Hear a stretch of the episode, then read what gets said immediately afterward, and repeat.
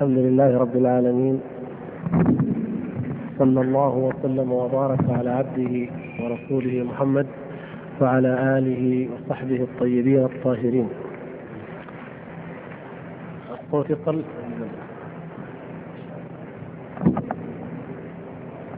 أما بعد فكما تعلمون أيها الأخوة الكرام ما زلنا في شرح الفقرة السابعة والستين المتعلقة بتكفير أهل القبلة. ما ضوابطه ومتى يكون. وكنا قد شرعنا في الأسبوع الماضي في شرح الآيات والأحاديث التي تبين أن أهل القبلة وأن أصحاب المعاصي تجتمع فيهم المعاصي من جهة والطاعات من جهة وأنهم يكتسبون الحسنات وكذلك يكتسبون السيئات. أي أن اجتماع هذا وهذا ممكن دون أن يؤدي ذلك أي ارتكابهم للسيئات وفعلهم للكبائر والموبقات إلى إخراجهم عن الملة كما ذكرنا في آيات القتل. في آيات القصاص وفي قتال الطائفتين من المؤمنين اللتين ذكرهم الله تبارك وتعالى في سورة الحجرات. وكذلك ذكرنا الحديثين. الحديث الأول قوله صلى الله عليه وسلم من كانت له مظلمة لأخيه من عرض أو من عرضه أو شيء فليتحلله منه اليوم قبل أن لا يكون دينار ولا درهم. فإن كان له عمل صالح أخذ منه بقدر مظلمته وإن لم تكن له حسنات أخذ من سيئاته فطرحت عليه. والحديث الثاني الذي رواه الإمام مسلم وقد أدركنا الوقت ونحن على نهايته وهو قوله صلى الله عليه وسلم لأصحابه أتدرون من المفلس؟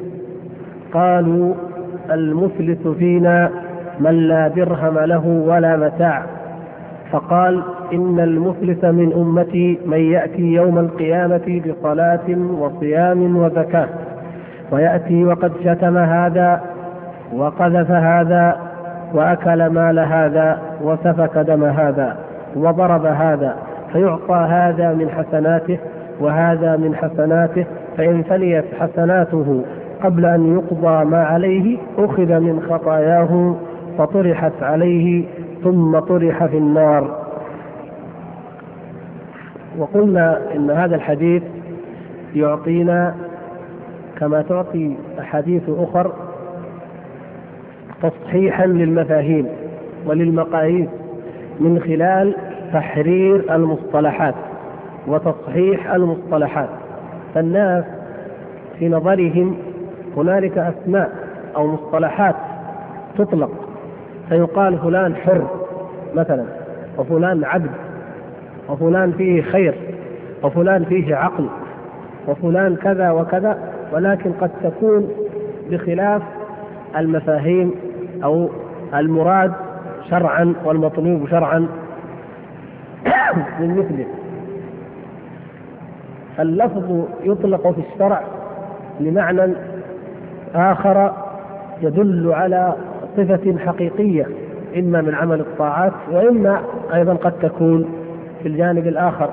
قد يكون الظالم أو الباطش أو ما أشبه ذلك أيضا له صفته في الشرع غيرها في نظر الناس مثلا وهكذا. فكل هذه مثل أمثال هذه الأحاديث تعطينا الدلالة كيف نزل الأمور وكيف نعرفها كيف نطلقها أو نستخدم الألفاظ وفي نظرنا دائما معيار وميزان الشرع. فهذا من حكمة الدعوة وأسلوبها. النبي صلى الله عليه وسلم يقول أتدرون من المفلس؟ يعني سؤال أكثر الناس يعرفون الجواب من خلال حياتنا العادية المادية. لكن النبي صلى الله عليه وسلم يريد أن ينقلنا أننا دائما لا نربط الأمور بالواقع المادي بالمعاش بالمتعارف عليه عندنا.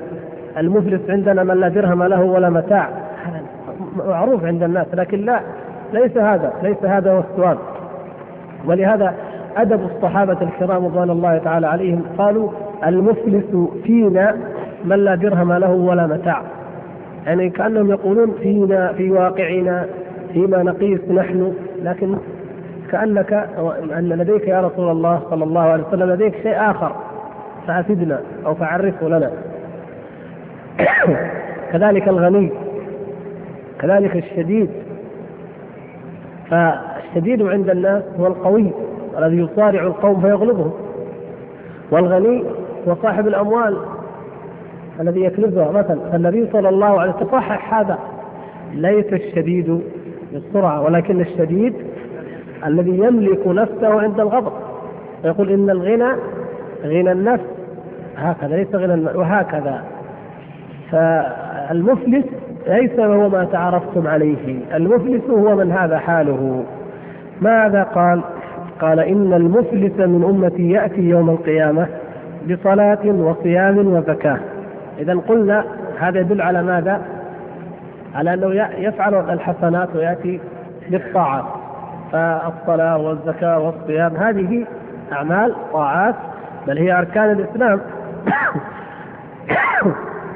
وصاحبها أو المواظب عليها متوعد أو موعود بالخير والفضل. والنبي صلى الله عليه وسلم شبه الصلوات الخمس بماذا؟ بنسبة الخطايا بنهر غمر جار على باب أحدنا. نعم يستحم منه كل يوم. خمس مرات إذا كثير من الناس ينظر إلى هذا الحديث مثلا وينسى إلى ينسى الحديث الآخر مثل حديثنا اليوم وهو أن هناك ما لا تكفره الصلاة ولا الزكاة ولا الصوم وخاصة نجد هذا الحديث واضحا في في ماذا؟ لأن الذي لا تكفره الحسنات هو ماذا؟ حقوق حقوق العباد. أحسنت. الحديث بين حقوق العباد. ولا تكفر حقوق العباد إلا بأدائها إليهم أو بحسنات إلى العباد. يعني حتى يكون التعبير يعني أن تحسن إلى العباد. حتى لو أن إنسانا اغتبته تتحلل منه. ما استطاع أن تتحلل منه. كيف تكفر؟ تذكره بالخير وتثني عليه. فهذا يكافئ هذا. انظروا يا اخوان الاسلام هذا هذا الخسارة. قل إن الخاسرين الذين خسروا أنفسهم وأهليهم يوم القيامة أكبر خسارة.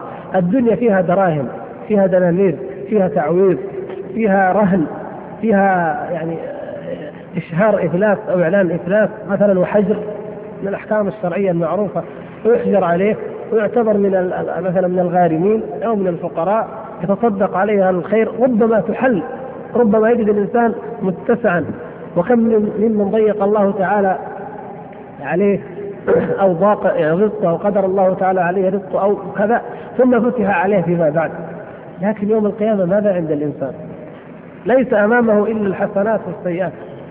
جنة أو نار وحسنات أو سيئات. ليس هناك مجال لأن يتصرف. فما حكمه وما حاله إلا هذا كما بين هذا الحديث. فيأتي بهذه الأعمال الصالحة. نعم. توضع له. والله تعالى لا يظلم أحدا. وسوف نأتي إن شاء الله على موضوع الميزان وأن مذهب أهل السنة والجماعة الإيمان به وإثباته كما أخبر النبي صلى الله عليه وسلم وأن له كفتان كفتين. وأن الأعمال توزن وأن الأشخاص أيضا يوزنون. فالوزن يومئذ الحق فمن ثقلت موازينه فأولئك هم المفلحون. ومن خفت موازينه فأولئك الذين خسروا أنفسهم في جهنم خالدون. نعوذ بالله من ذلك. وزن ونضع الموازين القسط ليوم القيامة. فلا تظلم نفس شيئا وإن كان مثقال حبة من خردل أتينا بها وكفى بنا حاسبين. فمن يعمل مثقال ذرة خيرا يره ومن يعمل مثقال ذرة شرا يره فأحاديث الآيات والأحاديث في الميزان تدل على هذا الأصل من أصول أهل السنة والجماعة وهي اجتماع وهو اجتماع الحسنات والسيئات والموازنة والمفاضلة بينهما. فإذا ربما يأتي الإنسان بصلاة وصيام وزكاة ويأتي بهذا. بل ربما يأتي الإنسان بجهاد ومعه غلول أخذ من الغنيمة يكون قد غل وما كان لنبي أن يغل أو أن يغل كلاها قراءتان. وربما يكون يأتي أيضا بجهاد ومعه شرب خمر. ولذلك تحدث العلماء عن حكم إقامة الحدود في حالة الحرب. مثلا يقع يقع من المجاهدين. وقع ذلك في أيام الصحابة رضوان الله تعالى عليهم. يعني ما قصة أبي محجن الثقفي مع سعد بن أبي وقاص في القادسية مشهورة في كتب التاريخ. يقع. وربما يأتي أيضا بجهاد ومعه زنا. نسأل الله العفو والعافية. تجتمع هذا وهذا. فإذا العبد النفس الإنسانية خلقها الله سبحانه وتعالى مفطورة على أنه يمكن أن يأتي منها هذا وهذا وقل أن تتمحض لأحدهما. يعني لاحظوا يا إخوان من حيث الفطرة الإنسانية أن يتمحض الإنسان إلى الخير حتى لا يصدر منه خطيئة هذا قليل في الناس. وأن يتمحض إلى الشر حتى لا يرى كل شيء إلا من نظرة يعني القبح ولا يمكن أن أن أن يكون يعني محسن ولا عادلا ولا منصفا بغض النظر عن الإيمان والكفر لكن من حيث الفطرة الإنسانية تجد أنه حتى الكفار مفطورون على حب العدل وكراهية الظلم وبعضهم يتصدق ويحسن ويفعل. فالنفس الإنسانية الله سبحانه وتعالى جعلها مرنة تقبل هذا وهذا ويجتمع فيها هذا وهذا. وهذه من حكمة الله ومن ابتلاء الله سبحانه وتعالى للخلق أن جعلها هكذا. وأصدق الأسماء كما أخبر النبي صلى الله عليه وسلم حارث وهمام لأن الإنسان دائما يهم يفكر ويعمل. ولكن كيف يكون هذا العمل؟ من الملك لمة ومن الشيطان لمة كما في حديث أو أثر ابن مسعود رضي الله تعالى عنه. يعني فهكذا النفس الإنسانية تعمل هذا وتعمل هذا. فهذا دليل على مذهب أهل السنة والجماعة ومنهجهم في اجتماع الخير والشر في الإنسان واجتماع الحسنات والسيئات. فتجتمع كبائر موبقات مع حسنات بالغات أيضا حسنات عظيمة. فيقول صلى الله عليه وسلم من يأتي بصلاة وصيام وزكاة ويأتي وقد شتم هذا. هذا هو السب الذي قال فيه النبي صلى الله عليه وسلم سباب المسلم فسوق وما أكثر من يشتم من الناس. الشتم بأنواعه إما يعني ينبذ بلقب معين ويذم به دائما ويشتم به وإما يقال له أي كلام. أكثر الناس الا ما رحم الله. لا يخلو بعضهم من شتم بعض. إن مواجهة وإن غيبة. وكذلك يأتي وقد قذف هذا مصيبة نسأل الله العفو والعافية. وأكل مال هذا وسفك دم هذا. يعني هذه أمثلة. قد لا قد تجتمع جميعها. في واحد وقد يفعل منها ثلاثة أو اثنين أو واحدا بحسب حاله. إنما المراد أن هذا يقع. هذا يعني النبي صلى الله عليه وسلم يعني يضرب مثلا للصورة المتكاملة الصورة الذهنية أو النظرية المتكاملة. أنه في جانب الحسنات أتى بصلاة وزكاة وصيام. في جانب السيئات أتى بشتم وقذف وضرب وسفك سفك دم. نسأل الله العفو والعافية. كلها اجتمع. فكيف يكون حكمه؟ يقول فيعطى هذا من حسناته وهذا من حسناته. إذا له حسنات كتبت. ما دام يعطون من حسناته إذا له له حسنات. نعم. فيعطى هذا منها. ويعطى هذا منها. فإن فنيت حسناته قبل أن يقضى ما عليه أخذ من خطاياه إذا عندنا احتمال آخر. ما هو الاحتمال الآخر؟ احتمال أنه يعطيهم من حسناته ويبقى له حسنات. فيكون ماذا؟ ناجيا. نعم ينجو. إذا هذا يحتاج أنه الواحد على الأقل على الأقل إذا كان يعرف أنه يقع في الناس في أموالهم في دمائهم في أعراضهم أنه يجتهد يكسر الحسنات إذا إذا ما يترك هذا الشيء نسأل الله العافية. ليجتهد بالحسنات. ليكون على الأقل ممن إذا أخذ من حسناته يبقى له شيء. أما واحد يعرف أن الرصيد محدود ويتدين هو معقول هذا؟ خطأ. بخلاف إذا إذا استدان وتحمل الديون والمغارم ويعلم أن لديه ما يمكن أن يوفي ويزيد نسأل الله العافية. فالعاقل من يتدبر ويفكر في عاقبة أمره أما الاحتمال الآخر الذي ذكره النبي صلى الله عليه وسلم وهو كما قلنا دائما يضرب المثل لأعلى أعلى شيء يعني الصورة الكاملة للموضوع لا ما دونها. أنه نهاية الأمر أنه فتفنى حسناته قبل أن يقضى ما عليه. ثانية الحسنات. وأهل الدين ما يزالون يطلبون وما يزال غارما ما قضى دينه ما أعطاه حقه فيريدون طيب من أين يأخذون؟ لا مال لا درهم لا دينار من أين يأخذون؟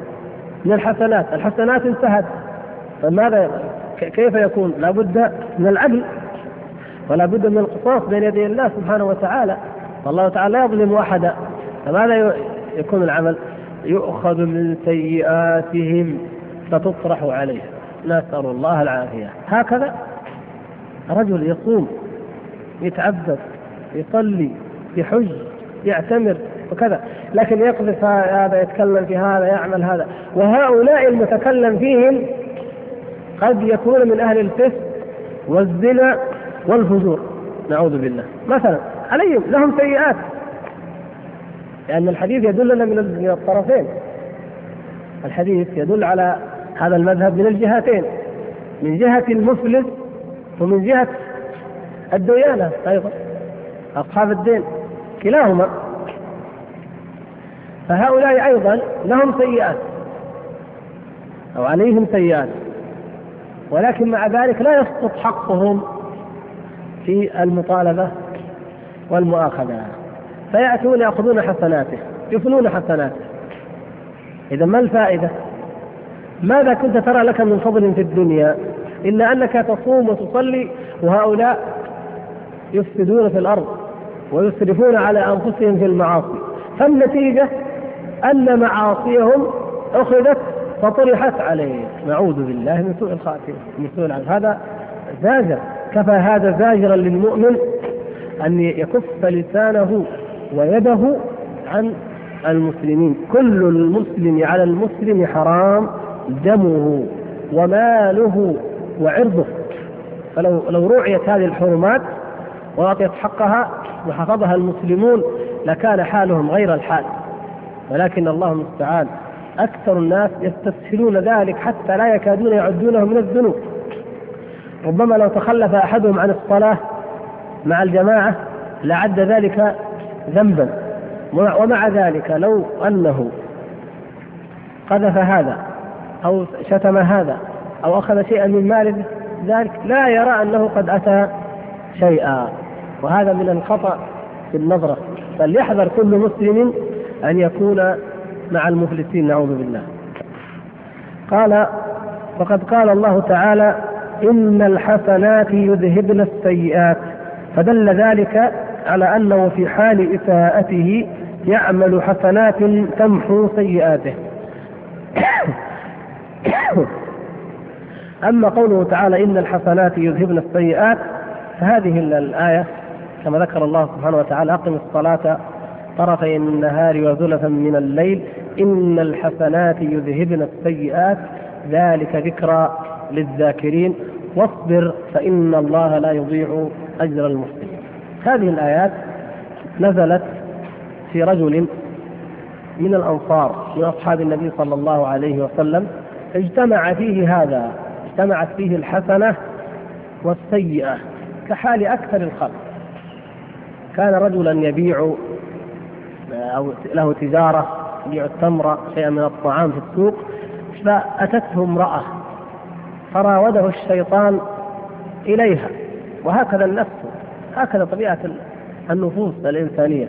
فقال لها عندي في البيت أو في غير هذا ما هو أجود منه فهلمي إليه فذهبت معه.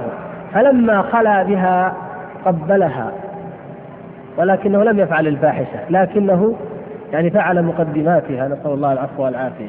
وسرعان ما أفاق كما ذكر الله سبحانه وتعالى. تذكروا فإذا هم مبصرون.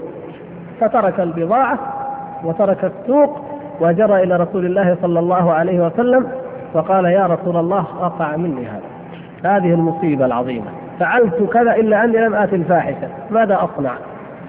قدم إلى النبي صلى الله عليه وسلم وقت الصلاة وصلى مع النبي صلى الله عليه وسلم ثم جاء يشكو إليه. انظروا كيف حال الرجل. الرجل هذا نادم متأسف عرف الخطأ عرف كيف كيف أوقعه الشيطان وتلاعب عليه. ثم إنه جاء إلى النبي صلى الله عليه وسلم ويعرض الموضوع بنية التوبة كيف أتوب؟ وما هو؟ ما السبيل إليه. وأدرك صلاة الجماعة مع النبي صلى الله عليه وسلم. فقال له النبي صلى الله عليه وسلم أصليت معنا؟ أدركت هذه الصلاة معنا؟ قال نعم. فقال صلى الله عليه وسلم إن الحسنات يذهبن السيئات. وأنزل الله تبارك وتعالى عليه هذه الآية وقرأها عليه.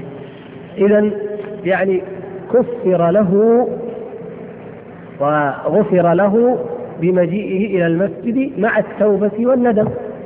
الندم والتوبة وعرض يعني عرضه ذلك على النبي صلى الله عليه وسلم على سبيل أن يبحث له عن مخرج قال له هكذا. يعني هذه الصلاة الخطى إلى المساجد الإحسان الحسنات عموما يذهبن السيئات. إن الحسنات يذهبن السيئات. وكفر عليه النبي صلى الله عليه وسلم وعليها. فدل ذلك على أن الحسنات إذا فعلها الإنسان فإنها تكفر عنه الخطايا ولا سيما اللمم إلا اللمم إن ربك واسع المغفرة. وهذا فسره كثير من السلف من التابعين ومن بعدهم من المفسرين فسروا اللمم بمثل هذا.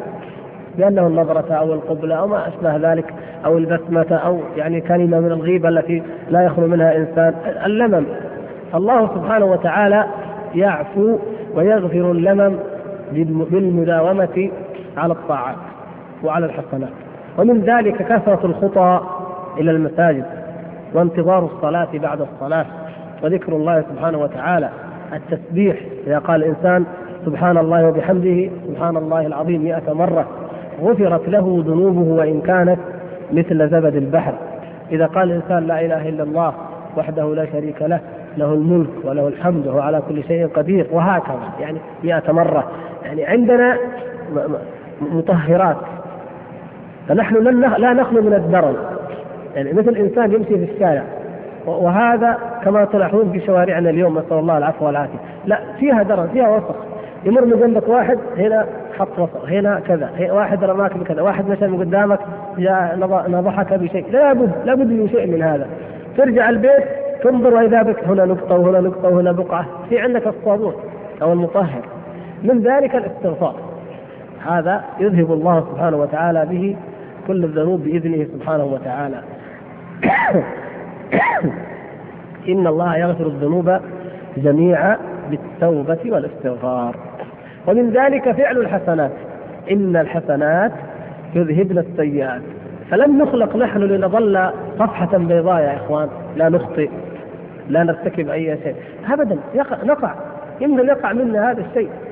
يمكن أن الإنسان يلم بذنب بمعصية وهكذا النفوس تضعف وإن لم تفعل المنهيات فلا أقل من أنها تتكاسل في فعل وفي أداء الواجبات والطاعات. هذا ملموس في النفوس. لكن داويها يا أخي داويها. واجعلها دائما في الاستغفار وفي الذكر. يعني يعجبني كلمة قرأتها لابن ابن الجوزي رحمه الله.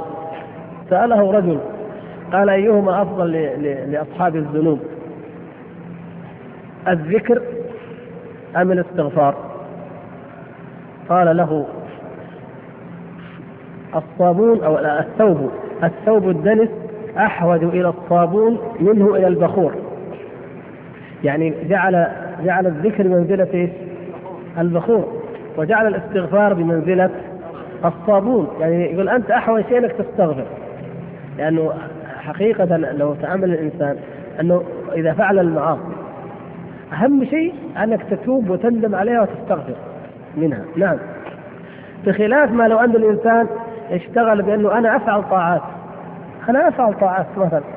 يعني يقرأ قرآن يذكر الله ويسبح الله وكذا وإن شاء الله تكفر وهي لا شك تكفر لكن ربما يألف المعاصي ويألف الطاعة وتجتمع كما نقرر نحن هنا تجتمع أنه ربما يكون مداوما على الطاعة وبإخلاص وبخشوع من جهة ومع ذلك يفعل المعصية ومستسهلا لها وغير مبال بها من جهة أخرى. فهذا مثل الذي لديه لديه ثوب وسخ ولكنه يبخره. ريحته طيبة لكن ما ليس ما يصلح. البخور ما يصلح على الثوب القدر. فاغسله اولا. ولذلك الواجب على الإنسان أن يتفقد نفسه دائما بالتوبة وبالاستغفار.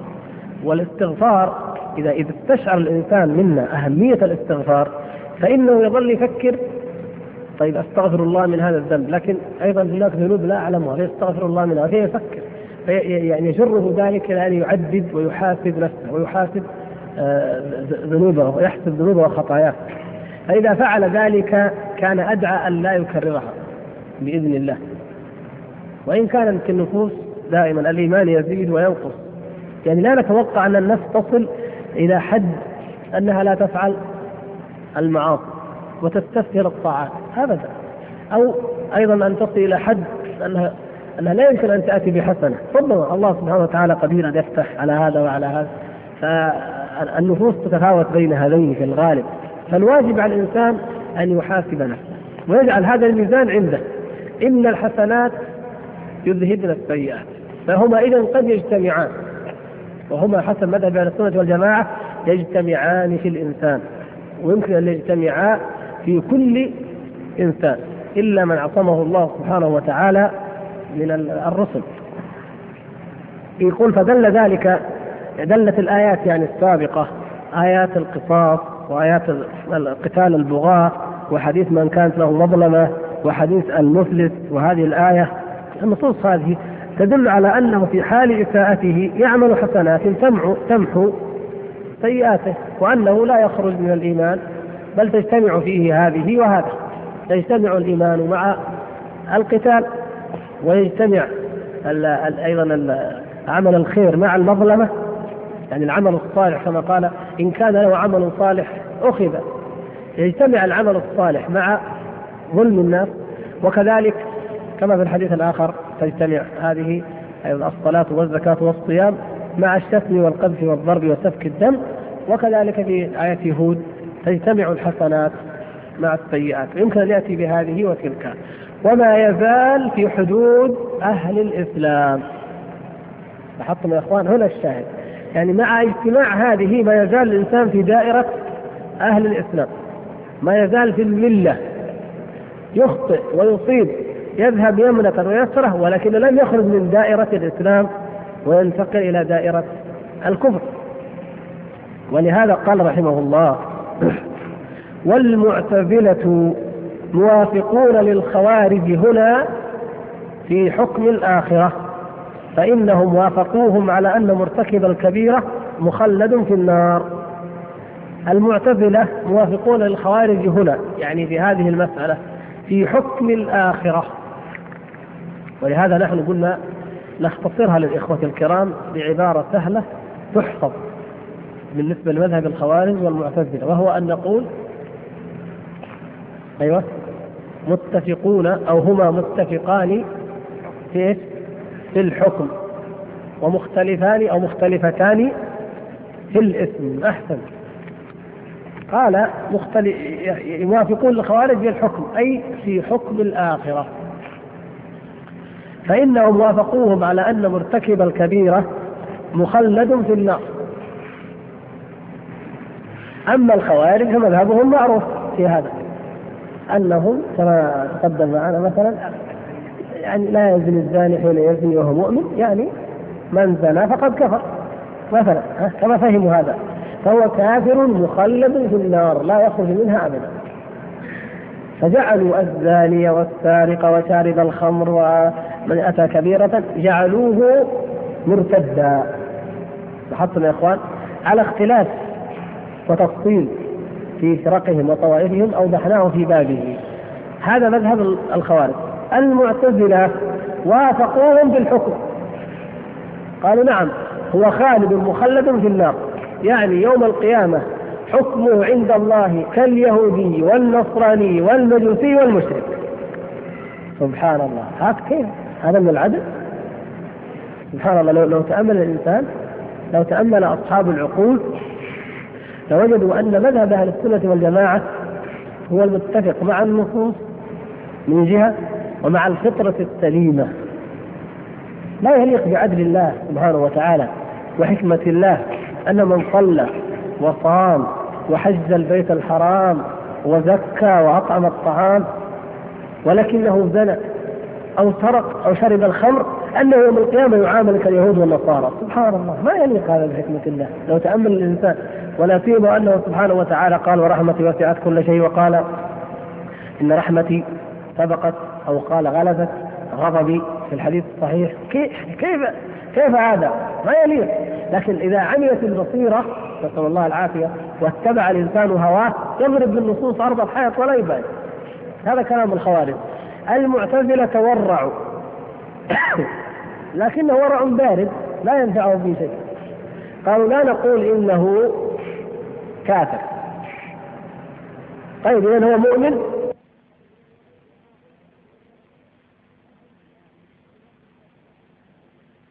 نعم. قال لكن قالت الخوارج نسميه كافرا وقالت معتزلة نسميه فاسقا. أي على على أساس إيش؟ فاسقا يعني ليس بمؤمن ولا كافر. لا لا على أساس الفسق الذي هو المعصية ويضل أهل الملة. إذا لابد من تحديد هذا تصحيح العبارة أو يعني إيضاحها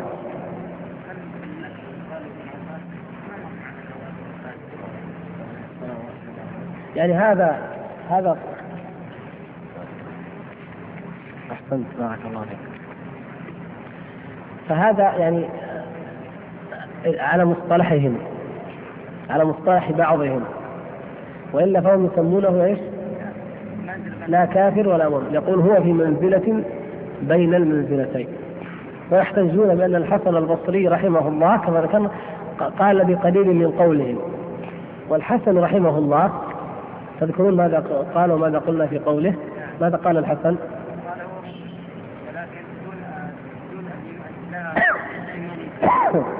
يعني كما قرأنا في كلامه في الطبري الحسن رحمه الله يقول كيف نقول إنه مؤمن وقد ارتكب ما ارتكب؟ ولا نقول إنه كافر ولم يخرج من الدين لكن أقول إنه منافق لأنه ادعى الإيمان وتسمى باسمه ولم يمتثل أمر الله سبحانه وتعالى. فوقع فيما حرم الله أو ترك ما أمر الله تعالى به. فالحسن رحمه الله يعني لم يقل هذا القول على أساس أن يخالف أهل السنة والجماعة أو يؤصل منهجا أو مذهبا. كلمة قالها. سئل سؤالا فأجاب.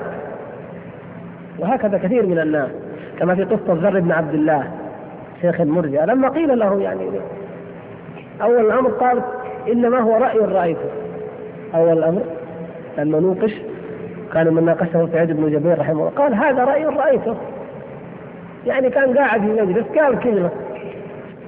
لماذا يا فلان؟ قال والله هذا رأي رأي بعد زمن واذا به يكتب به إلى الأمصار يكتب يدعو الناس إليه فنوظر في ذلك قال والله الذي لا إله غيره إنه الدين الذي بعث الله به نوح والنبيون من بعده سبحان الله كيف كيف الرأي أصبح الآن دينا؟ هكذا الناس دائما يا اخوان هذا يا إخوان يحذر الواحد منا يحذر من أن يذل لسانه بشبهة أو بكلمة فيأتي أحد يجادله فيصر ويصمم فيجعلها مبدأ فيكتب فيكتب هذا ويكتب هذا فتصبح مذاهب. وربما كانت أول الأمر أرى أرى يمكن هذا يرجع وهذا يرجع وينتهي الموضوع ببساطة. لكن سبحان الله النفوس إذا شحنت واشتدت وجاء الشيطان ونفث فيها الكبر والغطرسة فإنها تركب رأسها. تجمح عن الحق حتى ترى الرأي دينا نسأل الله العفو والعافية.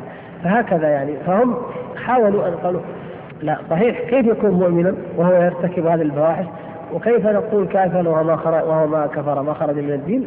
إذا نجعله في منزلة بين هذه وبين تلك. قال الخلاف بينهم لفظي فقط. يعني بين من ومن؟ أيوه. لماذا يعني انظروا هذا مهم كلمة الخلاف لفظي هنا مهمة. إذا فهمناها نفهم ما بعد سيأتينا في باب الإيمان وياتي في نصف الصفحة. لفظي مطلقا ولا باعتبار يعني معين؟ يعني حتى بالنسبة للخوارج المعتزلة هل هو لفظي مطلقا ولا باعتبار شيء معين؟ ها؟ باعتبار الآخرة الله يفتح عليك.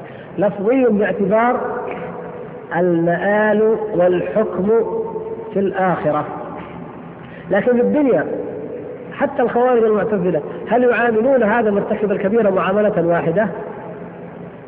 يعني زنى إنسان عند خارجي وزنى آخر عند معتزلي أو شرب الخمر هذا وهذا عندهما هل تكون المعاملة واحدة في الدنيا؟ في الحقيقة لا لأن الخارجي يحكم بكفره ويقتله ولا سيما إذا كان من الغلاة الذين عندما يطلق الاسم فإنه أول ما ينصرف إليه يعني. ها؟ أما المعتزلي فإنه لا يرى بالضرورة يعني ليس لازما أن يرى أنه لابد أن يقام عليه حد الردة لأنه زنى أو شرب الخمر يقول هو منزل بين من صحيح أنه ما لا لا أسميه مؤمنا لكنه أيضا لا يصل إلى درجة الكفر ها اذا هذه العبارة مهمة تحدد لنا ما بعد وهو أن النزاع لفظي أي في أحكام الآخرة فيما يتعلق بالحكم في الآخرة أو بالمآل أو بالمعاد هذا عبارات المقصود منها واحد. فالنزاع أو الخلاف بينهم لفظي فقط. وأهل السنة أيضا متفقون على أنه يستحق الوعيد المرتب على ذلك الذنب كما وردت به النصوص. أيضا يعني كما أن المعتزلة والخوارج متفقون على أنه يخلد في النار فايضا مثل ذلك أهل السنة متفقون على أنه يلحقه الوعيد أو يستحق الوعيد يستحق الوعيد المترتب أو المرتب على ذلك الذنب إن الذين يأكلون أموال اليتامى ظلما إنما يأكلون في بطونهم نارا وسيصلون سعيرا. هذا وعيد. يستحقه من أكل مال اليتيم أو لا يستحق. نقول آه يستحق. أهل السنة والجماعة يقولون نعم يستحقه. الزاني والزانية نسأل الله العافية. النبي صلى الله عليه وسلم رأى الزناة وهم في تنور في النار والعياذ بالله مثلا. يستحقون يعني وعيد وعيد مثلا وعيد القاتل إذا التقى المسلمان بسيفيهما فالقاتل والمقتول في النار ألا يستحق؟ يستحق. سباب المسلم في السوق وقتاله كفر ألا يستحق؟ مثلا فإذا نجد أنه يعني ما يرتب على ذلك على المعاصي على الذنوب يستحقه هذا احتراز من المؤلف رحمه الله. أهل السنة والجماعة لا ينفون استحقاق العاصي ومرتكب الكبير للعقوبة. لأن الله تعالى رتب عليه في النصوص رتب على الذنب هذه العقوبة فجعل هذا الذنب وهذه عقوبته. ومن يفعل ذلك يلقى أثاما يضاعف له العذاب يوم القيامة ويخلد فيه مهانا إلا من تاب وآمن وعمل عملا صالحا.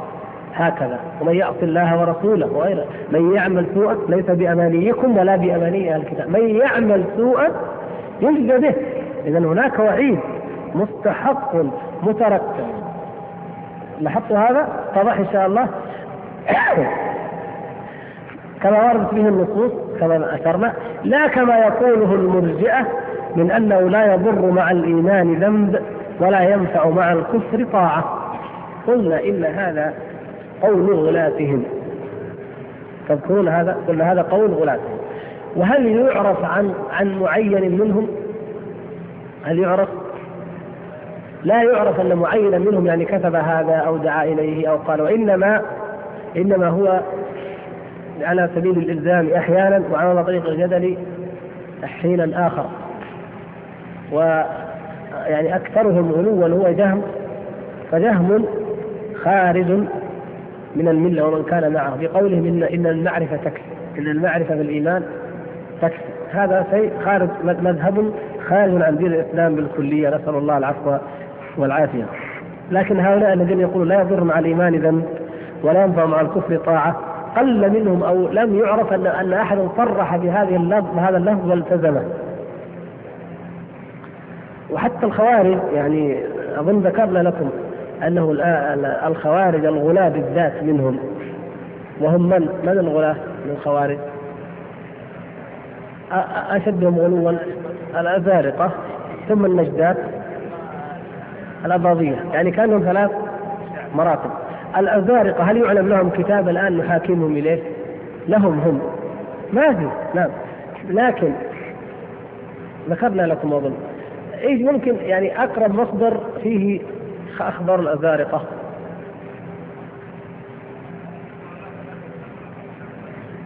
سؤالات الأثر من أزرق بن عباس. ما فيها ذكر عقائدهم. يسأله في المتشابهات. ذكرنا لكم كتابا وهو من كتب العقيدة ولا من كتب الفرق. لا. الفرق بين الفرق يعتمد عليه. كتاب أدبي جمع رسائل نافع ومكاتبات نافع إلى ابن الزبير وردود عليه. لأنه كان يميل إليهم وكان متهما برأيهم من النحويين والأدباء القدامى. عبد الله يدور. يدور إذا لقيت. تنسون يا أخوان تنسونا هذا كتاب اسمه الكامل. ومؤلفه من؟ ها؟ المبرد نعم. المبرد النحوي. كان متهما برأيهم ويميل إليهم وهو متقدم. وأسانيده عالية. وينقل عنهم وينقل ينقل رسائل وتقريبا هو من أهم المصادر ويوجد غيره لكن هو أطال في ذكرهم. إذا الخوارج الأزارقة والنجدات هذا هذا يعني أيضا ليس لنا هناك مصادر لاندثارهم. أما الأباضية فإن كتبهم مشهورة والآن مطبوعة وقائم عليها دولة تطبعها وتنشرها بل أيضا بعض المؤسسات في دول أخرى. ف قبل أن نقول ما الحكم إذا اجتمعت نصوص الوعد والوعيد وكذا مذهب أهل السنة والجماعة في نصوص الوعيد قد سبق أن قلنا آيات الوعيد أحاديث الوعيد وحتى ذكرنا منها قوله صلى الله عليه وسلم كلها في النار إلا واحدة. هذه من من أحاديث الوعيد. قلنا ما معنى ذلك؟ كيف نفهم؟ نصوص الوعيد آيات أو أحاديث وفق منهج أهل السنة والجماعة؟ كيف نفهمه؟ أن آكل مال اليتيم في النار، أن الزاني في النار، أن شارب الخمر في النار، أن الفقة الخارج عن السنة في النار، نعم أي أنه يستحقها يعني إنه إن فعل أو أنه من فعل ذلك فهذه عقوبته هل يلزم من ذلك أن تلحق به العقوبة فعلا؟ هل يلزم أن ينفذ فيه الوعيد فعلا وعينا؟ لا يلزم. تمام. إن شاء الله واضح. فإذا نقول على هذا أهل الوعيد المستحقون للوعيد في جملتهم أصحاب الكبائر في جملتهم هل نقول يدخلون النار أو نقول لا يدخلون النار؟ ما رأيكم؟ وفق مذهب أهل السنة والجماعة.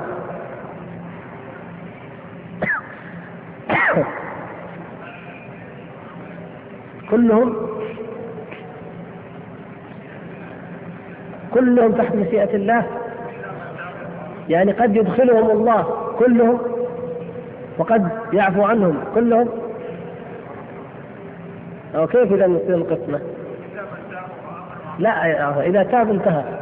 لا نحن نتكلم يا شيخ إذا لقي الله وهو مصر على هذا الذنب. من تاب فأولئك يبدل الله سيئاتهم حسنات. انتهى. إن الحسنات تذهبن السيئات وهكذا. لكن نقول هذا. يعني كيف؟ يعني بمعنى آخر. أعم. نعم. يعني أنت أنا نقول كلهم كل أهل المعاصي. هل ستتحقق فيهم الشروط وتنتفي الموانع؟ أليس إيش؟ إذا إيش النتيجة؟ سهل الجواب أيوه هو يعني هكذا ببساطه نعم يعني النتيجة إيش؟ أننا نقول إن كل مرتكب كبيره فهو مستحق للوعيد كل مرتكبي الكبائر يستحقون الوعيد لكن هذا الوعيد ينفذ في حق البعض ولا ينفذ في حق البعض. لأن الله سبحانه وتعالى جعل هناك نعم أسباب وموانع. نعم. من ذلك الشفاعة صحيح. ومن ذلك أيضا الحسنات الناحية. أي نعم. ومن ذلك مغفرة الله سبحانه وتعالى. إذا ما الفرق بين الخوارج وأهل السنة والمرجئة؟ لاحظوا. في أهل الوعيد. ماذا قالت الخوارج؟ لا ما كلهم يعني إلا إذا كان قصدك الجنس. نعم. اذا كل من أطلق عليه الوعيد فإنه إيش؟ ينفذ بحقه. خلاص. كلهم اذا يدخلون النار. أما المرجئة فقالوا يجوز طبعا ما نقول نجزم ما نجزم منهم قال يجوز الا يدخل النار منهم أحد لأنهم يقولون لا إله إلا الله. أما أهل السنة والجماعة فإنهم يقولون يدخل بعضهم وبعضهم لا. لماذا؟ لأنه بحسب الشروط الأسباب والموانع. نعم. فعندنا أحاديث صحيحة تدل على أن الزناة مثلا أن بعض الزناة في النار ومن يشرب الخمر في النار مثلا. بينما نجد أيضا أن هناك أحاديث تدل على التكفير يعني التكفير تكفير الذنوب. تكفرها الحسنات. ومن ذلك حديث شارب الخمر كما تفضل تقدم معنا. شارب خمر لكنه يحب الله ورسوله. مثلا اذا قام به مانع. هذا المانع على ابنائه في الدنيا عن خبر المعصوم صلى الله عليه وسلم الصادق الذي لا ينطق الهوى. يوم القيامة تتكشف الحقائق تجد انه فعلا هذا الذي كان زانيا في الدنيا يحب الله ورسوله أيضا. وهذا يزني ويجاهد وهذا يزني ويتصدق كثيرا ويفعل الخير وهذا كذا. ولكن ذاك يفعلها ولا خير فيه ولا ولا حسنات له تكافئ. فهذا يدخل وهذا لا يدخل لأنه يعني بحسب الموازين. إذا في النهايه في الصورة الكلية نقول لا ننفي نقول لا يدخل أحد من أهل القبلة. كذا نقول أنه ما دام من أهل القبلة فلن يدخل أحد منهم النار. هذا خطأ. ولا أيضا نعكس فنقول كل من عصى واستحق الوعيد من أهل القبلة لا بد أن يدخل النار. لاحظتم كيف؟ إذا مذهب أهل السنة والجماعة عدل وحق ووسط نقول لا. لا ننفي مطلقا ولا نثبت. مطلقا. ولكن نقول هم مستحقون للوعيد ويلحق بعضهم وبعضهم لا يلحقه لأسباب وموانع لم تتحقق الأسباب أو وجدت الموانع والله سبحانه وتعالى يضع الموازين ويحكم بينهم جميعا بالقسط. وهذا هو العدل والحق الذي يليق بحكمة الله سبحانه وتعالى وصفاته. كما هو أيضا الحق في النظر نظر أي إنسان الذي ينظر نظرة منصفة فإنه لا يقدم على مذهب أهل السنة والجماعة غيره. إذا لعلها وضحت يا إخوان يعني الفرق في في إلحاق الوعيد ونفاذه. يقول وإذا اجتمعت نصوص الوعد التي استدلت بها المرجئة كقولهم من قال لا إله إلا الله يعني كاستدلالهم بالحديث الصحيح من قال لا إله إلا الله دخل الجنة اجمعها جيب حديث وآيات الوعد. واجمع معها إيش؟ نصوص الوعيد التي استدلت بها الخوارج والمعتزلة مثل لا يزني الزاني حين يزني وهو مؤمن إلى آخره اجمع هذه وهذه. إذا اجتمعت تبين لك فساد القولين. يظهر لك فساد الخوارج والمعتزلة من خلال نصوص ماذا؟ نصوص الوعد. نعم. ويتبين لك فساد قول المرجئة من خلال نصوص الوعيد. ويتبين لك أن الحق ما ذهب إليه أهل السنة والجماعة بالجمع بينهما بين هذه وبين هذه بين الوعد والوعيد. نعم. قال ولا فائدة في كلام هؤلاء. سوى أنك تستفيد من كلام كل طائفة فساد مذهب الطائفة الأخرى. الأصل يا إخوان أن لا نحتاج في الرد على الخوارج إلى كلام المرجئة ولا نحتاج في الرد على المرجئة إلى كلام الخوارج. ما يحتاج أصلا. لكن هو يعني من الإنصاف يقول الشيخ. يعني أن لن تستفيد من كلام كل طائفة شيئا إلا أنك تعرف فساد الطائفة الأخرى. يعني كيف؟ ربما ربما يكون هناك خصمان تسمع أحدهما فتتيقن أن كلامه في حق خصمه حق يعني إبطاله إبطاله لحجج خصمه حق. صحيح. لكن هل يلزم من ذلك أنه هو على الحق؟ ها؟ ما يلزم. الاحتمال أن يكون الحق عند ثالث لهما عند آخر غيرهما. فقد يختلف المختلفان. وكلاهما مخطئ وكلاهما على باطل. لكن سمعت من هذا فعرفت فساد كلام هذا. فسمعت هذا فعرفت فساد كلام هذا. فقلت الاثنين غلطانين. هذا جائز عقلا الاثنين مخطئين. أين الحق عند آخر عنهما؟ فهذا هو المقصود. فأنت ما تستفيد أيها القارئ أيها المخاطب أيها السامع لا تستفيد من كلام المرجئة إلا أنك تعرف أن مذهب الخوارج باطل. لأنك تستفيد هذا من ماذا؟ من نصوص الوعد الذي التي يأتي بها هؤلاء المرجئه ولا تستفيد من كلام الخوارج إلا أن كلام المرجئة باطل، لماذا؟ من خلال إيرادهم لنصوص الوعيد وأيضا الاستدلالات العقلية التي يأتون بها. لكن لا يلزم من ذلك أن هؤلاء على حق أو هؤلاء على حق أو كلاهما على حق بل الواضح الجلي أن كل منهما على باطل وعلى ضلال. فاجمع الحق اجمع نصوص هؤلاء ما صح طبعا من نصوص الوعيد وما صح من نصوص الوعد تخرج من مذهب الحق وهو مذهب أهل السنة والجماعة. الأمة الوسط في هذا الشأن كما هي الوسط في جميع الأبواب. وسط في الصفات بين أهل التعطيل النفي المطلق وبين أهل التمثيل الإثبات المغالاه فيه لاحظتم؟ وسط في باب القدر بين النفاة وبين من؟ الجبرية. نعم. وسط في باب الصحابة الكرام رضي الله تعالى عنهم بين من ألههم وبين من كفره نعم. وسط في باب الإيمان ومرتكب الكبيرة. بين من يخرجه من الملة ومن يجعله مؤمنا كامل الايمان لا فيه هذا وفيه وهكذا. فهذا جزء من الوسطية. ويظهر ذلك من خلال اجتماع النصوص فيهم الحمد لله. ولهذا يا إخوان فائدة منهجية. لا يوجد نص صحيح في الوعد أو الوعيد يرده أهل السنة والجماعة. لاحظتم كيف؟ لا يمكن. يعني القرآن معلوم لكن في الأحاديث. لا يمكن أن يصح حديث عن رسول الله صلى الله عليه وسلم في الوعد أو الوعيد ويرده أهل السنة والجماعة. لكن انظر إلى الخوارج. لا بد أن ترد أحاديث.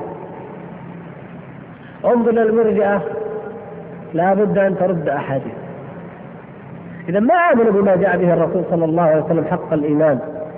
أما أهل السنة والجماعة يؤمنون بالكل ويضمون النصوص بعضها إلى بعض فيقعون على الحق الوسط ويستمسكون به وبه يلقون الله سبحانه وتعالى. ولهذا كانوا الطائفة الناجية الناجية. كلها في النار إلا واحدة إلا واحدة استثنيت فهي موعودة بالنجاة أما غيرها فمتوعد بالهلاك فهي وسط. كما كان النبي صلى الله عليه وسلم بعث الله سبحانه وتعالى محمدا صلى الله عليه وسلم بالملة الوسط. فلو نظرنا إلى ما كان عليه الأديان وأهل الكتابين قبلنا لوجدنا أن هنالك آثارا وأغلالا من جهة وهنالك أيضا بعض الإفراط في المسامحة أو في الإحسان أو إلى من جهة أخرى بين اليهود وبين النصارى فالله سبحانه وتعالى أرسل محمدا صلى الله عليه وسلم فجمع له بين العدل وبين العفو فكان وسطا وسطا بينهم. فإن أخذ فبالعدل وإن عفا له الأجر. الإنسان يعني كقاعدة عامة في الحياة وهكذا. نجد أن هذا الدين وسط.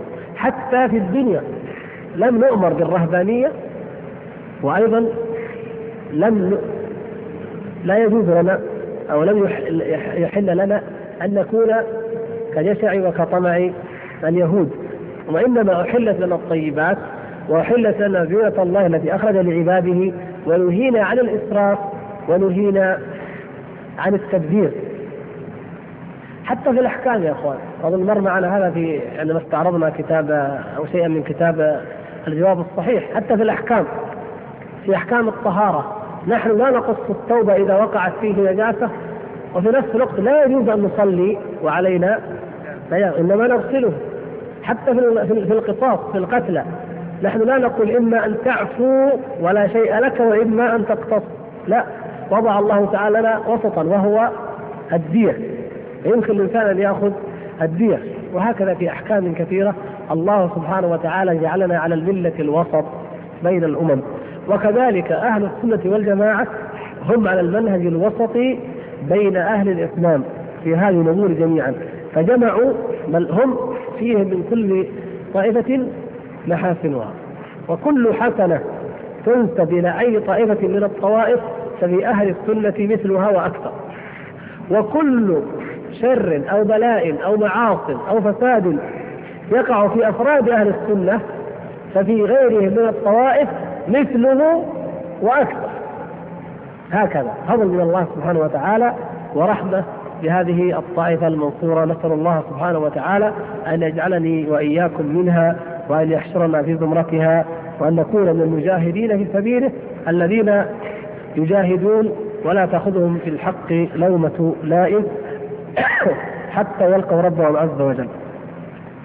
الموضوع الثاني يعني ما يمدينا الناس عليه الآن انتهى الوقت وهو موضوع الاختلاف اللفظي هل يسمى كفرا عمليا أو يقال كفرا مجازيا هو تابع للنصوص السابقة التي أطلق فيها موضوع الكفر أو سمي مرتكبها كافرا. أرجو أن تقرؤوه إن شاء الله وتقرأوا معه موضوع الإيمان في الأخير أو بعد يعني حتى تعلموا أن هذا منقول أو مأخوذ من ذاك. وإن شاء الله نفصلها بإذن الله سبحانه وتعالى. ونسأل الله الكريم البركة العظيم أن يتقبل منا منكم وأن يعفو عنا وعنكم صلى الله وسلم وبارك على عبده ورسوله محمد وعلى آله وصحبه.